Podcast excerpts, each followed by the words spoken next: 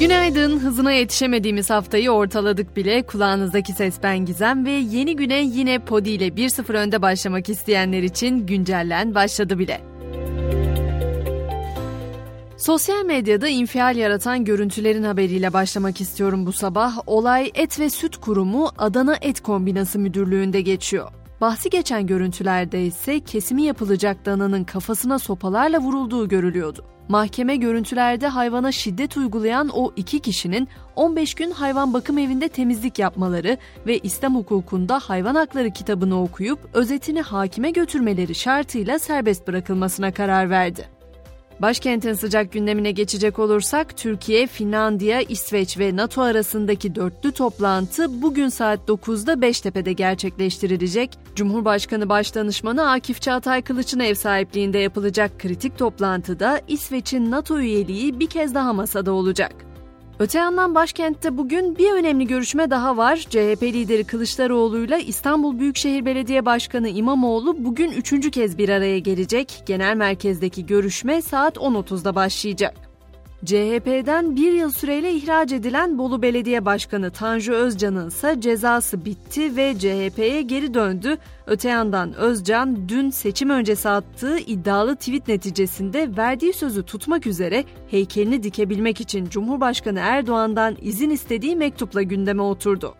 Eğitim başlığından da önemli haberlerim var. 17-18 Haziran'da yapılacak 2023 YKS'ye ikamet ettiği sınav merkezi dışında girecek depremzede adaylara yönelik ulaşım ve barınma desteği süresi uzatıldı. Başvurular yarın mesai bitimine kadar yapılabilecek.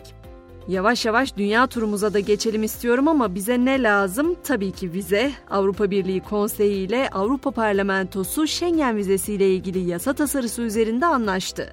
Yeni yasa yürürlüğe girdiğinde pasaportlara yapıştırılan vizeler dijital hale gelecek ve iki boyutlu barkod olarak internet üzerinden verilecek. Vizeler mobil cihazlara indirilebilecek, vize başvurusu yapanlar da internet üzerinden birçok dilde vize talebinde bulunabilecek. Yine tüm dünyanın yakından izlediği bir dava var. Eski ABD Başkanı Donald Trump, devlete ait gizli belgeleri sakladığına yönelik suçlamalarla ilgili Miami'de hakim karşısına çıktı hakkındaki 37 suçlamanın tümünü reddeden Trump suçsuz olduğunu öne sürdü. Lübnan'da ise gündem ekonomi, Ekim 2019'da başlayan gösteriler, hükümetin istifası, Beyrut'taki liman patlaması ve pandemi gibi olaylar ülke ekonomisini derinden etkiledi. Ekonomik krizin giderek derinleştiği Lübnan'da Başbakan Mikati, Lübnan Meclisi'nin memurların maaşları için ek ödeme kararı almaması halinde Haziran ayı maaşlarını ödeyemeyecek durumda olduklarını ifade etti.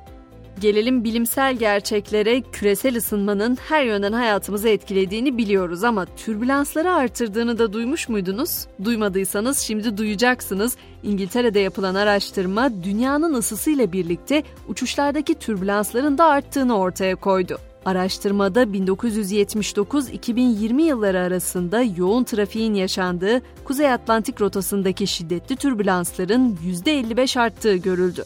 Hollywood dünyasına geçtiğimizde ise grevlerin ünlü yapımları da derinden sarsmaya başladığını söyleyebiliriz. Çalışma şartlarından memnun olmayan senaristlerin grevi 7. haftasında devam ediyor. Grev dev yapımların ertelenmesine de neden oldu.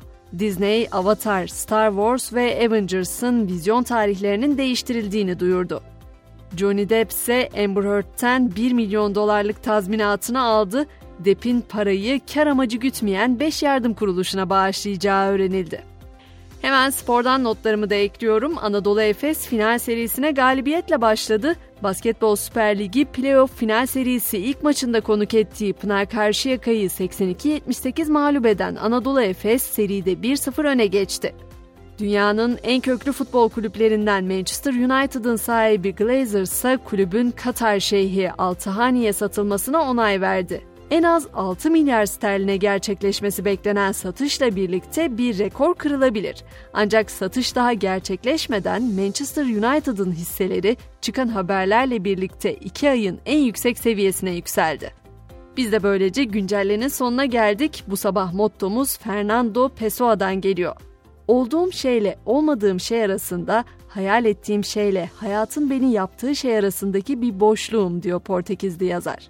Ben de akşam 18 itibariyle yeniden görüşmek dileğiyle şimdilik hoşçakalın diyorum hepinize.